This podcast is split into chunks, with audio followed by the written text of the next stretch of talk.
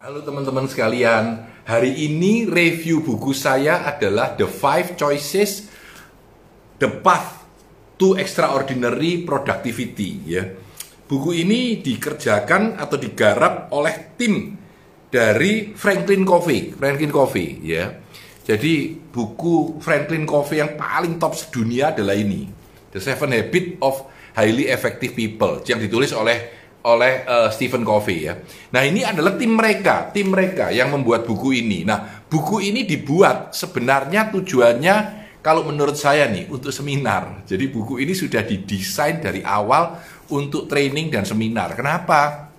Karena Seven Habits of Highly Effective People ini sangat laku, merupakan mungkin, mungkin ya, saya tidak tahu, seminar paling laku seluruh dunia. Jadi mereka membuat training dua hari, mereka membuat training tiga hari, dan mereka membuat supaya orang-orang itu mau ikut uh, seminar mereka. Jadi uh, di Indonesia pun ada seminar-seminar tentang Seven Habits ya. Nah, karena itu sukses luar biasa, mereka mencoba untuk bikin ini, The Five Choices uh, the path to extraordinary productivity. Nah, saya hari ini akan ditemani oleh Pak Yunus. Jadi uh, beliau adalah tim kami di Institut Asia, ya, akan membantu saya untuk berseminar tentang hal ini. Nah, sebenarnya tujuan buku ini apa sih? Simple, Pak, simple. Bagaimana kita bisa lebih produktif? Gitu. Bagaimana kita bisa lebih produktif? Gitu, ya dan di dalam ranah untuk menjadi produktif, mereka membagi dalam tiga kelompok besar.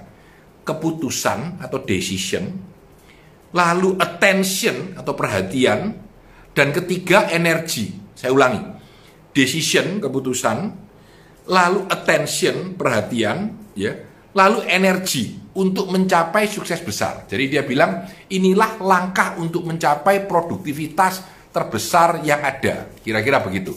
Saya coba tunggu ya Pak Yunus, apakah sudah hadir apa belum? Pak Yunus, sebentar, sebentar, sebentar, sebentar. Yes, saya ajak Pak Yunus masuk. Jadi kita akan berbicara tentang uh, buku ini yang saya harapkan dalam seminar uh, seminar dalam review buku pendek ini bisa betul-betul bermanfaat untuk teman-teman ya. Kita nunggu Pak Yunus Handoko. Pak Yunus ini uh, di, di Institut Asia dulu ketika Stimix di Asia, beliau adalah uh, pimpinan kami yang pertama. Gitu. Jadi uh, teman sudah 20 tahun lebih ya, lalu sering seminar bareng ya. Jadi kita tunggu ini. Ini pertama kali saya dengan Pak Yunus IG Live bersama ya. Saya tidak tahu apakah bisa masuk atau tidak karena pertama itu kalau dalam IG dan lain-lain selalu ada saja kesulitannya ya. Oke, Pak Yunus bisa masuk? Suaranya belum masuk, Pak. Halo, Cak belum Hasan. Halo. Uh, suaranya gambarnya masih hitam, Mbak. Gambarnya masih hitam. Uh, oh, kayaknya kesulitan masuk ini. Lihat kayaknya kelihatan kesulitan masuk. Diulangi sekali lagi, Pak. Tidak apa-apa. Diulangi sekali lagi. Keluar dulu, lalu masuk lagi. Nah, kadang-kadang pengalaman saya IG Live bersama dulu ya dengan teman-teman, selalu ada saja gangguan di IG Live itu. Kalau bareng berdua ya. Teknologinya nabrak atau ininya nabrak, oke. Okay. Oke, okay, silakan Pak. Nah, eh, langkah apa yang membuat di dalam kehidupan kita, di dalam pekerjaan kita, di dalam uh, kita melakukan tindakan everyday. Itu yang penting di dalam hal ini ya. Uh, terima kasih konsisten berbagi setiap hari. Terima kasih kembali Hendrik. Pak Yunus sudah bisa masuk? Kita coba sekali lagi, Pak. Tadi gambarnya tidak masuk. Kalau Pak Yunus ada handphone lain, misalkan punyanya putrinya atau punyanya uh, siapa, boleh dicoba masuk dari handphone yang lain. Kadang-kadang handphone itu masuknya berbeda, gitu ya. kadang-kadang tidak bisa. Kembali, ini saya beli di airport, ya di airport uh, eh, CX on the way to Boston. Waduh, ya naik katai dari on the way to Boston menuju ke di Hong Kong Airport, Hong Kong Airport 2015. Nah ini senengnya mencoret-coret itu kalau dilihat kembali jadi ingat ya. Ini on the flight to Boston selesainya. 2015 bulan 5. Tanggal 25, saya coret-coret ya. Oke, okay, uh, eh, sambil menunggu Pak Yunus, kita mencoba untuk masuk ke dalam materi hari ini. Ya. Materi hari ini adalah tentang the five choices. The five choices ya uh, the path to extraordinary productivity. Nah, saya coba sekali lagi. Yes, silakan. Memang kalau IG connection itu selalu sering ada problemnya. Jadi kadang-kadang nggak bisa masuk karena sesuatu, karena ini. By the way, teman-teman kalau ada waktu boleh mencoba YouTube channel saya. Jadi YouTube channel saya itu Tanah di Santoso BWI. Saya ulangi, Tanah di Santoso BWI. Sudah mulai jalan seminggu ini, di mana saya bisa live dengan YouTube live. Jadi bukan IG tapi YouTube live ya, masuk ke YouTube ya. Uh, Tanah di Santoso BWI. Biasanya untuk konten-konten yang lebih panjang, lebih besar. Kalau Anda lihat IG saya yang terakhir bicara tentang uh, apa namanya bicara tentang Clifton Strength ya. Udah sarapan apa belum Mas? Sudah Mas, tadi sudah mas, sarapan jam 6. Terima kasih ya. Ya, saya coba lagi. Ini masih waitingnya masih nunggu. Saya ulangi lagi ya. Saya ulangi lagi ya. Yes, sudah sudah saya undang. Kayaknya masih kesulitan. Yes, saya sudah waiting Pak Yunus sudah diterima, sudah saya klik sudah saya klik. Jadi sudah saya klik. Tulisannya waiting sudah saya pilih. Sebentar, saya connect lagi sekali. Sudah saya klik, sudah saya add. Jadi uh, bahkan saya tulisannya di sini waiting for Yunus Handoko 28. Oke, okay, uh, eh, sambil menunggu karena macet, saya terus saja dulu ya supaya toh bisa berisi ya. Nah ini, Oke, okay. Mas. Ah. Oke, okay, Pak San. Uh, salam sehat Pak. Salam sehat Pak Mala. Yeah, salam sehat ya. Oke. Pak, kita tadi ini jujur aja saya nelponnya Pak Yunus sejam yang lalu. Pak, kita siap IG live ya. Oke, siap gitu. Langsung jalan. Jadi kita bicara tentang five choices uh, jadi lima langkah, lima pilihan ya. The path to extraordinary productivity. Langkah untuk mencapai produktivitas yang luar biasa. Saya mulai cerita dengan yang pertama, lalu Pak Yunus nanti bisa menambahkan. Bapak bisa suaranya dengaran Pak? Jelas ya? Belum cek, satu, dua, tiga, teman-teman sekalian. Halo, Pasan. Masuk Pak? Jelas, jelas Pak. Oke, siap. Oke Pak, langsung aja Pak. Teman-teman sudah nunggu tadi ya. Jadi yang pertama, ketika mengambil keputusan, ketika mengambil keputusan akan melakukan sesuatu, ada lima choice. Choice yang pertama, dia bilang, act on the important Don't react to the urgent. Saya ulangi. Act on the important, don't react to the urgent. Yang intinya adalah Anda harus bereaksi atau melakukan sesuatu langsung terhadap hal-hal yang penting. Jangan hanya pada hal-hal yang mendesak. Eh, mau Pak Yunus, silakan Pak. Cerita Pak. Oke, okay. uh, eh, selamat pagi semuanya. Uh, yang IJ Live-nya Pak Dani Santoso. Terima kasih Pak Dani Santoso sudah bersama-sama saya untuk mencoba apa ya review buku ya review buku Five Choices Extraordinary. Kalau nggak salah tahun 2017 lah buku itu udah tiga tahun yang lalu kita kita coba kaji, dalami, kita aplikasikan ke dalam uh, mata kuliah, khususnya di program pasca sarjana, uh, buku itu menjadi buku wajib yang masuk di dalam mata kuliah manajemen inovasi dan kreativitas.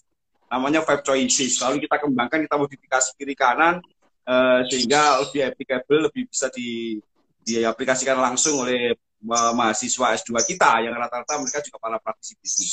Oke, Pak Pak Tadi Santoso, yang Five Choices Extraordinary itu dalam buku review itu satu ya, atau lakukan hal yang penting dan lupakan hal yang tidak penting. Prinsipnya seperti itu.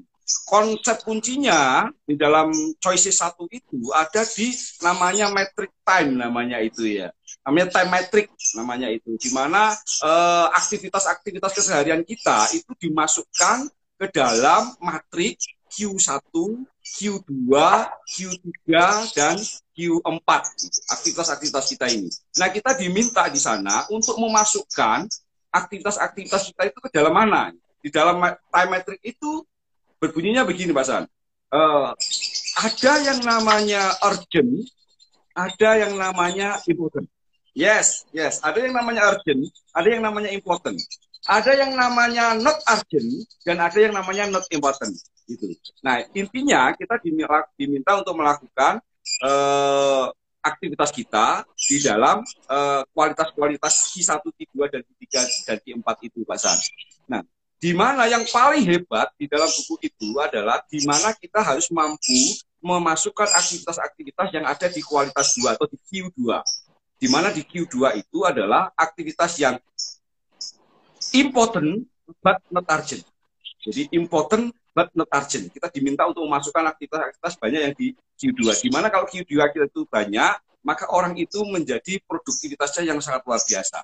Itu pasan tentang buku uh, Choices ya. 1.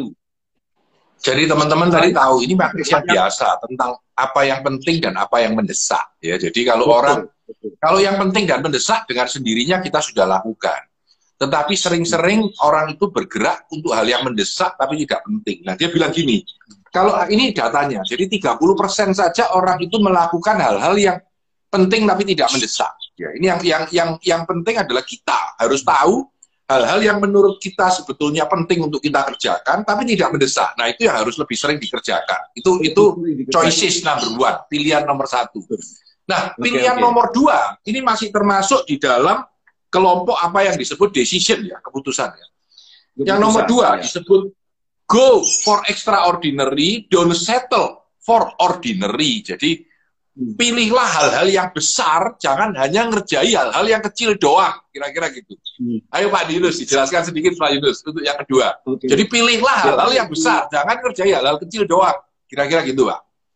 Oke, okay. uh, dalam Five Choices Extraordinary buku itu Pak San, intinya kan ada tiga kerangka besar itu.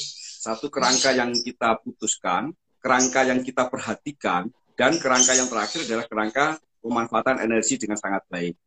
Nah, yeah. rangka yang kita putuskan itu adalah kita harus mampu memutuskan mana yang penting, mana yang tidak penting, mana yang genting dan mana yang tidak genting itu yang yang yang yang nomor nomor satu. Yang nomor dua adalah bagaimana kita Roll. mampu melakukan tentang hal-hal yang luar biasa.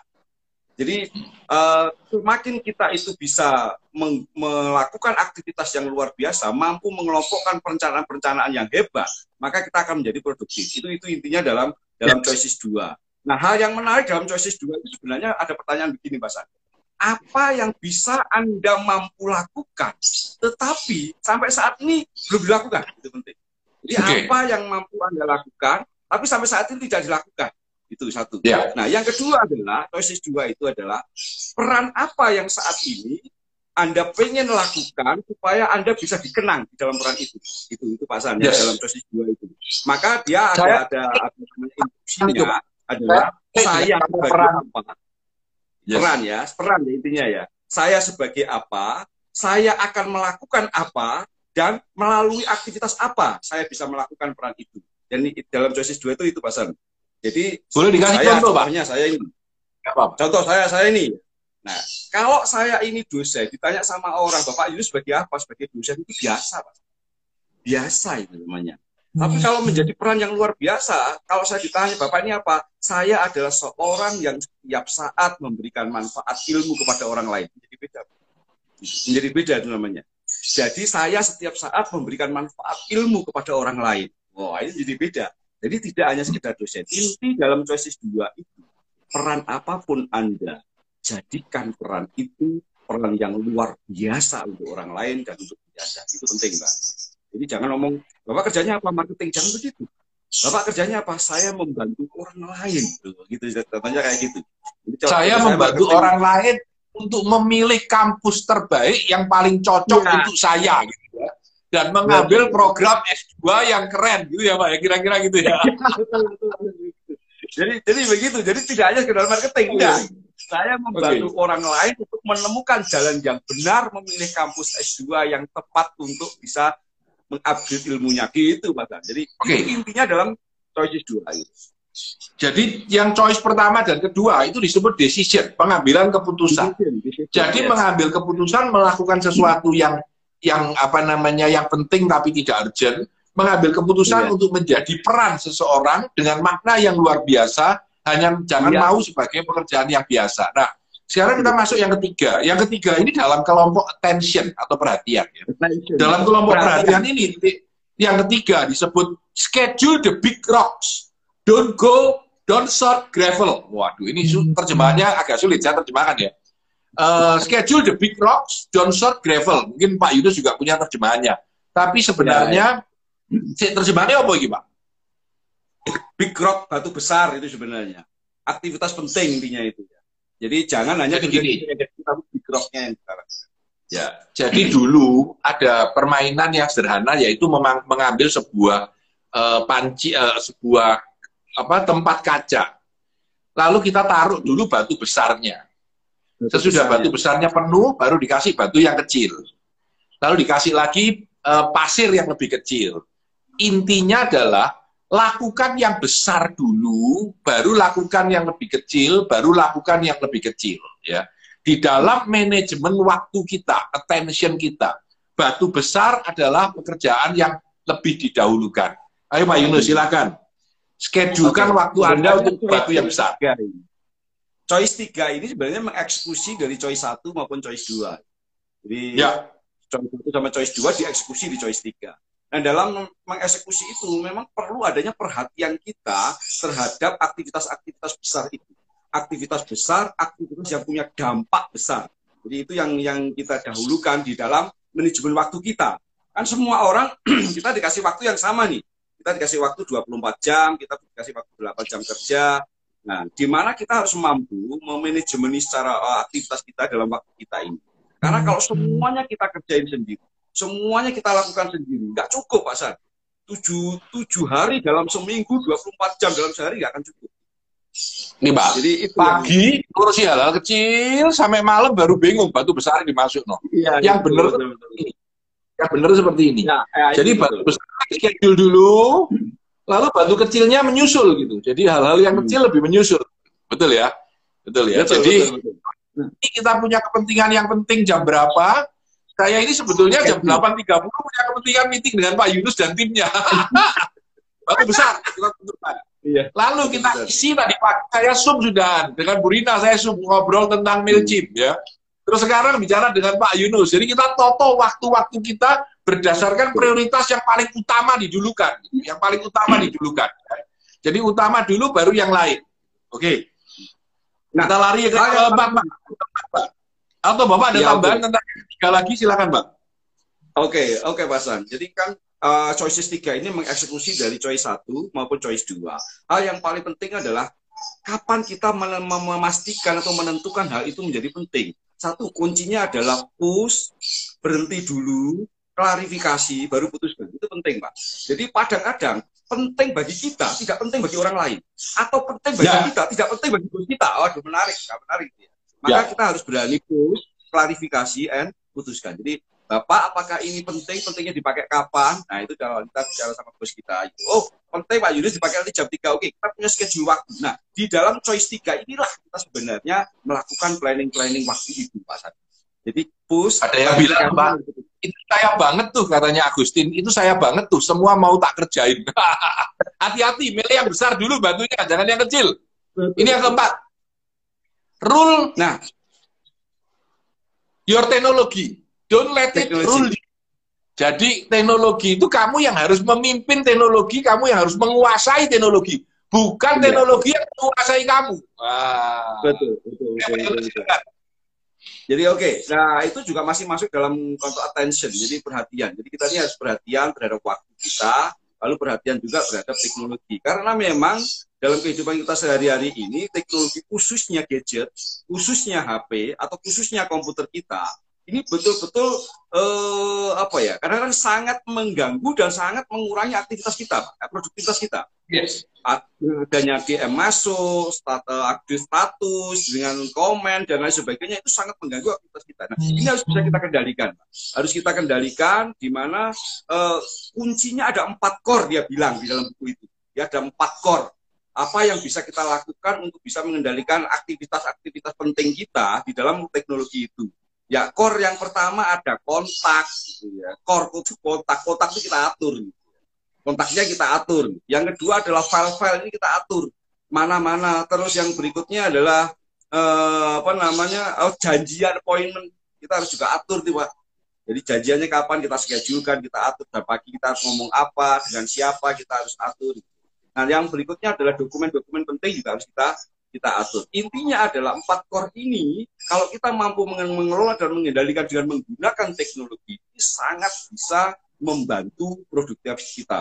Jadi intinya itu. Nah, buahnya hal yang kita lakukan dengan teknologi itu, dengan sekedar hanya si hello, main game, dan sebagainya, tanpa terasa, aktivitas kita lost begitu saja waktu itu. Inilah yang disebut sebagai uh, mengendalikan teknologi, di mana teknologi itu dimanfaatkan untuk kita meningkatkan produktivitas kita dengan uh, lebih automatically, uh, lebih ada no memanfaatkan notifikasi dan lain sebagainya.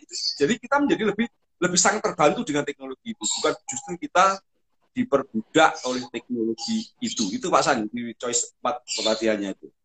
Ya, jadi uh, bagaimana kita memanfaatkan teknologi. Saya saya sharing aja. Mungkin 10 tahun terakhir, handphone saya selalu silent. Pak Yunus juga tahu, kalau nelpon saya mesti di WA dulu. Pak San, aku mau nelpon gitu. Atau di miss call saya akan telepon balik. Karena apa? Karena menurut saya, saya pribadi ya terganggu. Kalau lagi bicara gini, tiba-tiba kering itu langsung perhatian saya pindah. Gitu ya. Jadi saya membiasakan mematikan handphone uh, bahkan tidak vibrate ya. Yang repot cuma kalau handphonenya hilang lupa di mana nyari gak jadi telepon itu udah tahu di mana ya. Tapi saya merasa bahwa kita justru harus menjadi pemilik teknologi, bukan teknologi memiliki kita, mati kita nanti. Jadi kita yang menguasai teknologi. Kita yang menentukan apa yang bisa kita pakai dengan teknologi. Kita yang menentukan. Jangan kita malah dituntut oleh teknologi untuk selalu uh, menjadi budaknya teknologi. Bahasanya begitu ya. Itu mungkin uh, esensi dari nomor empat. Jadi kita harus mampu justru menjadi master dari teknologi itu dan menguasai teknologi itu ya. Oke yang kelima yang terakhir. Nanti kita rekap lagi secara keseluruhan. Yang terakhir energi management. Nah memanage energi ya and memanage ya. energi. Saya jadi ingat di sini ada diceritakan tentang tidur yang baik, makan yang baik, hidup yang baik, supaya semangatnya kuat gitu. jadi energi dalam, manajemen. Monggo, monggo Pak Yunus silakan. Di dalam buku silakan, silakan manage, ya, manage energi itu, ya, ya bilang ada lima driven energi. Jadi lima driven untuk memulihkan energi dia bilang gitu. Nah, driven yang pertama itu uh, dia ngomongnya adalah eat. Jadi sebenarnya energi itu bisa ditumbuhkan dengan eat, makanan. Makan, makan, makan, makan, makan. Lalu yang uh, driven yang kedua energi itu dengan move. Jadi dia dengan energi itu bisa ditimbulkan dengan gerak. Oh, itu ada move, lalu ada, ada eat, ada move, itu ya. Lalu energi itu juga bisa di, dimunculkan, di, di, diperbarui dengan namanya sleep tidur. Tidur itu bisa memperbarui energi loh Pak. Lalu yang keempat adalah energi itu bisa diperbarui dengan connect. Connect. Jadi dengan terhubung.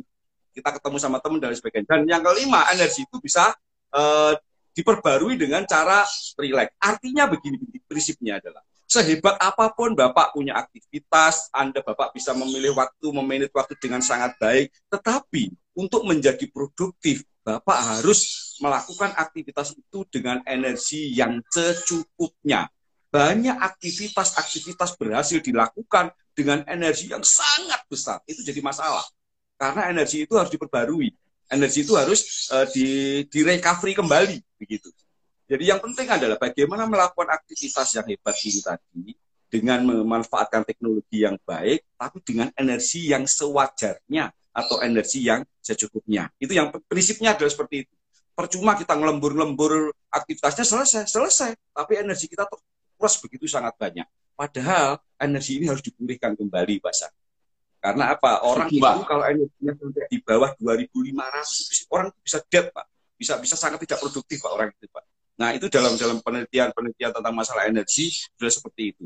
Nah, maka penting ada lima driven energi itu energi kita diperbarui dengan cara makan. Makan yang baik, makan yang bergizi.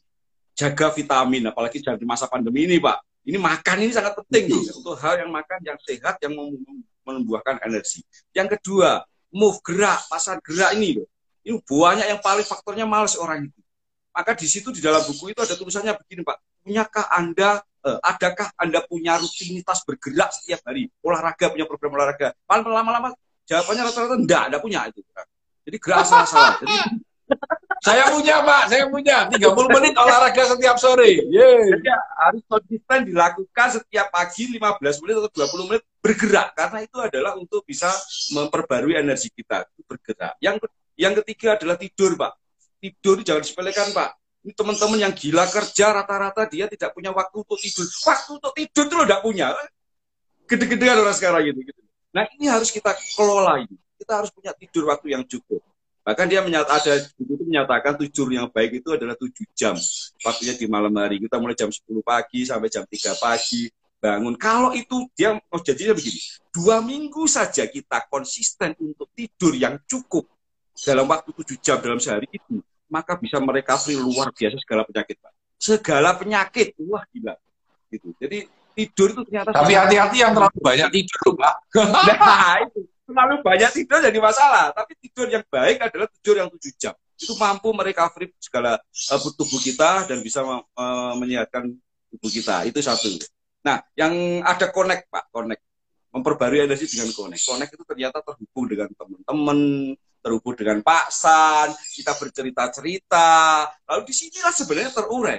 Kita ada energi baru. Kita kalau ketemu sama pacar kita kan, waduh, muncul semangat baru, muncul energi baru. Itu dengan cara connect. Maka manusia ini makhluk sosial, maka dia harus connect dengan siapa pun itu, itu supaya bisa terbaru energi. Dan yang terpenting, yang terpenting kelima adalah relax relax pak. Hidup ini yo serius tapi ya relax ya santai pak.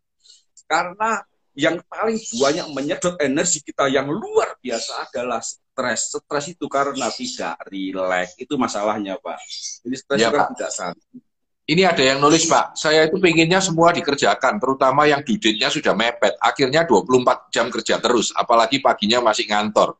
Jadi Sylvia memberikan catatan, ini buku yang cocok untuk Anda ya five choices yes. of extraordinary productivity saya nggak dapat keuntungan apa apa kalau anda beli loh ya tapi tapi uh, menurut saya ini menarik jadi untuk menjawab pertanyaan itu pak berarti merangkum kembali pak sorry pak okay. saya mencoba merangkum kembali jadi di dalam lima pilihan itu ada tiga kelompok besar satu kelompok tentang decision keputusan decision. dua kelompok tentang attention pelaksanaan dan ketiga hmm. kelompok tentang energi di kelompok hmm. pertama itu disebut act on the important, don't react on the urgent. Melakukanlah hal-hal yang penting, bukan hal-hal yang uh, sekedar mendesak saja. Yang kedua, go for extraordinary, don't settle for ordinary. Jangan mau hanya sekedar dosen, tapi maulah hmm. Anda mempunyai jiwa sebagai seorang pendidik yang ingin membuat orang lain menjadi orang hebat. Nah, itu akan membuat perilaku Anda berubah karena anda mempunyai peran yang lebih penting dari sekedar hmm. mengajar saja. Ini yang kedua. Nah, ini decision. Lalu attention. Juga disebut schedule the big rock, schedule the big rock. Jadi hal-hal uh, yang yang penting-penting itu lebih baik didahulukan. Dahulukan. Jangan jalan itu didahulukan ya. Lalu yang keempat, pakailah teknologi dengan kekuatan Anda. Seolah-olah teknologi itu adalah bawahan Anda. Jangan Anda diperbudak oleh teknologi. Dan yang kelima itu adalah beristirahatlah yang cukup karena justru energi itu yang membantu Anda menjadi hebat. Oke Pak Yunus, silakan ngasih tambahan apa pun tentang uh, lima poin ini buat teman-teman pendengar sekalian. Nah, Oke, okay. uh, eh, menurut saya yang terpenting dalam mengaplikasikan sehari-hari Pak San, kita sekarang ini harus mau dan rela untuk ikut uh, apa, memulai melakukan planning ya. Plan perencanaan hmm. seminggu apa saja. Kita harus mulai belajar mencatat pak. Jadi harus kita ini pak batu pak. Jadi kalau yang besar masuk dulu semua masuk kalau yang kecil ya, masuk dulu yang besar ketinggalan. Itu pekerjaan. Betul. itu itu the big rock ya. Dan ini decision. Kita terlalu banyak emosional jadi kita harus lebih terstruktur dalam mengambil keputusan supaya hmm. keputusan kita lebih cerdas. Oke sorry pak ya, silakan ya. pak Oke oke oke. Ya, jadi sekarang mulai saat ini kita harus sudah belajar untuk mencatat pak, bikin agenda, kita catat planning kita dalam seminggu itu kayak apa. Dia dalam buku itu menuliskan 30 menit cukup lah untuk melakukan planning dalam satu minggu. Kalau kita mau melakukan planning hari ini, 10 menit kita cukup lah. Kita tulis hari ini kita mau ngapain saja. Hari ini kita harus kontak sama siapa saja hari ini kita harus janjian dengan siapa saja. Itu mulai di planning, Pak. Dalam hari, setiap hari itu 10 menit kita melakukan perencanaan-perencanaan itu. Maka kita akan menjadi produktif yang sangat luar biasa. Itu Pak San menurut saya, Pak San. Mulai sekarang kita harus sudah mulai belajar untuk melakukan perencanaan. Oke, jadi teman-teman sekalian, menurut saya uh, pribadi, ini banyak sekali yang uh, nulis suka gemes, mau kolek data, staff bikinnya tidak tersistem, mau bikin Google Form padahal gaptek, googling-googling, staff baru tahu itu mudah tersedia. Jadi memang selalu begitu ya, apalagi keras. Biasanya sangat terganggu kalau staffnya uh, tidak mau ikut terstruktur. Teman-teman sekalian, yang menurut pikiran saya yang penting itu adalah kita memprioritaskan hal yang penting di dalam kehidupan kita. Ya.